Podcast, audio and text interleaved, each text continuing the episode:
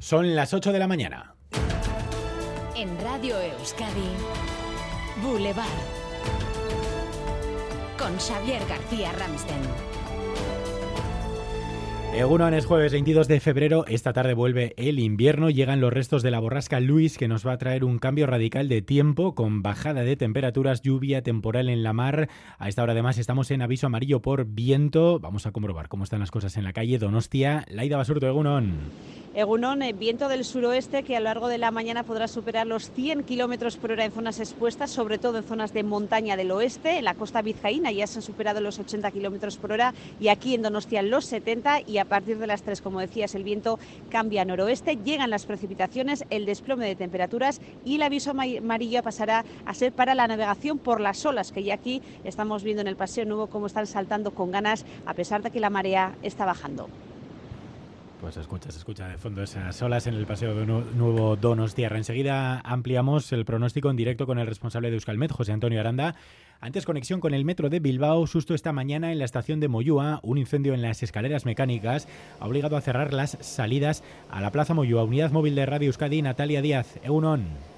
Sí, Egunon, pues lo importante a estas horas es decir que el incendio está totalmente sofocado. Ha ocurrido pocos minutos antes de las 7 de la mañana, en concreto en el segundo tramo de las escaleras mecánicas que suben a esta boca de la calle El Cano donde me encuentro. Sigue cerrada esta entrada, también la de la calle Ercilla. Y importante también decir que el servicio funciona sin incidencias. Lo único que la gente que quiera coger el metro en esta zona tiene que desplazarse a las bocas de metro de la calle Diputación o de Indaucho, como están de hecho informando aquí en las entradas los servicios de seguridad de Metro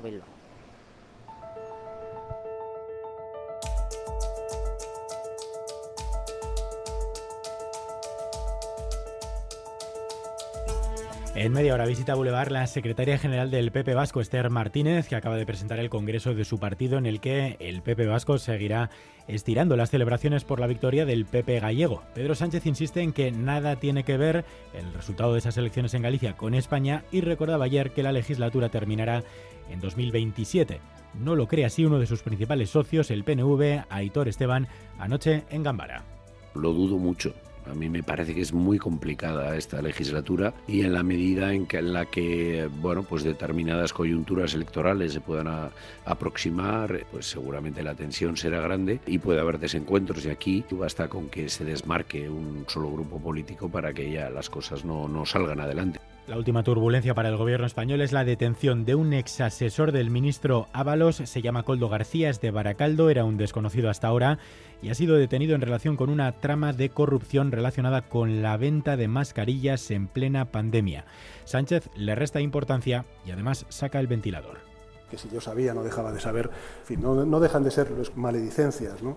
Me, llama la atención que sean tan celosos cuando quiero recordar ¿no? que el señor Feijó pues, se aupó a la presidencia del Partido Popular después de una denuncia del anterior líder del Partido Popular sobre un caso de corrupción de la presidenta de la Comunidad de Madrid. Enseguida ampliamos en un día en el que en Euskadi la recta final de la legislatura tiene hoy dos citas más, por la mañana pleno ordinario en el Parlamento y por la tarde Consejo de Gobierno Vasco, el que se suspendió el martes por el fallecimiento de la madre del Lendakari Íñigo Urcuyu.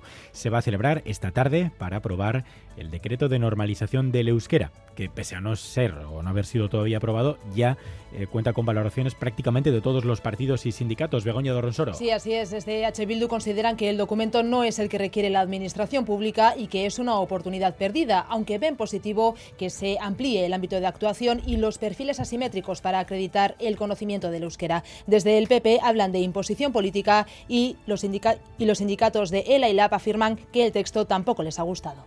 Enseguida ampliamos antes otras noticias en titulares con Asier Herrero.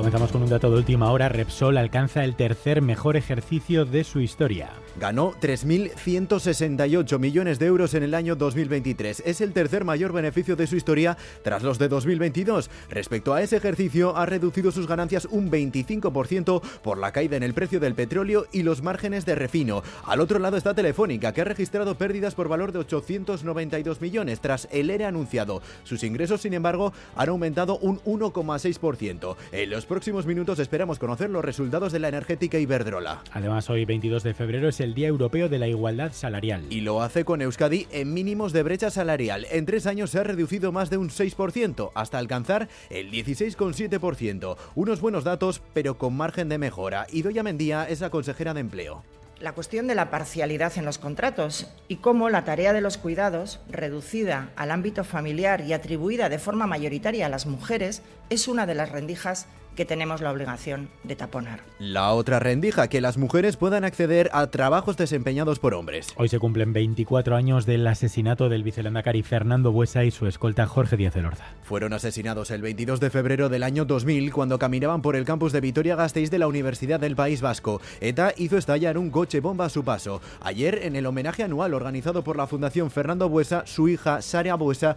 apostaba por construir la convivencia entre diferentes. ¿Qué queremos transmitir como legado cívico al futuro de nuestra sociedad? ¿Trauma, sufrimiento, heridas sin sanar y vínculos rotos? ¿O aprendizajes de vida inspiradores y puentes para la convivencia que nos permitan construir un sentido de comunidad? Esta mañana el Parlamento Vasco les va a rendir homenaje con un minuto de silencio. Después, también en Vitoria-Gasteiz, se le realizará una ofrenda floral en su recuerdo. Mil GPS al agua para controlar los vertidos de plásticos. El gobierno vasco lanza el plan Ulises. Es un plan pionero para controlar su dirección en la mar y en los ríos. Arancha Tapia es la consejera de Medio Ambiente. Veis que estamos con numerosas iniciativas en marcha, pero resulta fundamental que además de las instituciones, centros tecnológicos, empresas, también consigamos la participación y la implicación de la ciudadanía en general. El objetivo es poner freno a su vertido para cumplir con el plan de residuos de Euskadi para el año 2030. Alquilar un piso en Euskadi se ha convertido en prácticamente un imposible para las rentas medias bajas. Imagínense que a unos ingresos bajos le sumamos ser inmigrante. Hoy en Boulevard, esta mañana a partir de las 10, vamos a emitir un reportaje en el que vamos a escuchar varios testimonios que confirman lo que todos sospechamos. Lo tienen mucho más difícil, se lo ponemos mucho más difícil y se está generalizando el subarrendamiento con prácticas muy abusivas hacia esas personas. Lo ha comprobado Sonia Hernando. Todos los testimonios que hemos recabado dicen lo mismo, tanto propietarios particulares como inmobiliarias les ponen condiciones imposibles para alquilar. Alexander o Mohamed nos han contado lo que han vivido, viven en primera persona. Sí, las fianzas sumamente altas y siempre eran como los peros, no, que es que el trabajo, que el contrato, que el tiempo, que esto, que lo otro. Hay muchos subarrendadores y hay muchos propietarios que están estafan la gente de, de, una manera o de otra. Las inmobiliarias con las que hemos hablado niegan estas prácticas, pero quienes ayudan a estos colectivos, como Josean, voluntario de Veraca, viven cada día otra realidad. Hay auténticas barbaridades en los que exigen y hay gente que es mucho más sincera. Directamente te dice, es que por tu acento no quiero volver a saber nada de ti. Todas estas dificultades de acceso a la vivienda están generalizando prácticas abusivas, como constatan cada día en Caritas Vitoria. Gente que está viviendo en lonjas, que está viviendo en camarotes, que está viviendo hacinada que vive de 10 a 5 de la mañana mm, en la calle y a las 5 de la mañana se mete en una vivienda. La vivienda que se ha convertido en un verdadero obstáculo para la población migrada en Euskadi. Lo dicho, a partir de las 10 ampliamos aquí en Boulevard. César Pérez Gazo, las titulares del Deporte Gunón. Eh, bueno, Xavier, hoy conoceremos a la tercera pareja semifinalista del Parejas eh, con una novedad de última hora porque Iñaki Artola con gastroenteritis no va a poder jugar esta tarde en el Beotíbar de Tolosa, entre su lugar Urruti, que hará pareja con Ander Imaz, se medirán a Joaquín Altuna y Martija. Las cuentas son claras. Los que lleguen a 22 pasan a semifinales, los que pierdan deberán ir a la repesca y aún tendrán otra oportunidad para darse y seguir con vida en este campeonato. Boulevard. El tiempo. Euskalmet Javier Munarri, Cegunón. Caixo Egunon, comenzamos el día con un viento del suroeste bastante molesto que soplará con algunas rachas muy fuertes en zonas expuestas, sobre todo en zonas de montaña, y las temperaturas máximas del día pues, se van a dar por la mañana con este viento. Sin embargo, esta situación va a cambiar a primeras horas de la tarde con la llegada de un frente frío, un frente que llegará por el oeste y el viento pasará a soplar del oeste o noroeste y será intenso en la costa, soplando con rachas muy fuertes. El cielo se nublará y lloverá. El frente se va a desplazar de oeste a este, dejando a su paso y también provocando un descenso acusado de las temperaturas. Las mínimas de la jornada se darán al final del día. Este frente, de todas maneras, va a pasar bastante rápido y ya por la noche las precipitaciones remitirán y lo más destacable será el descenso de las temperaturas. Por tanto, a partir del mediodía cambia el tiempo. De momento las temperaturas ya les decimos que son bastante altas esta mañana, el cambio llegará por la tarde, enseguida lo vamos a contar. 17 grados tenemos en Bilbao, Bayona y Donostia, 11 en Gasteiz, 6 en Iruña. Egunon, Gernika Lumon, amazazpi gradu, ondo izan. Egunon, Karranchan, amalau gradu, agur. Egunon, en los arcos tenemos 4 grados. Opa, agur. Egunon, Zaian, amabi gradu. Egunon, gaur elgean, bederatzi gradu. Odeiat eta Oskarbi.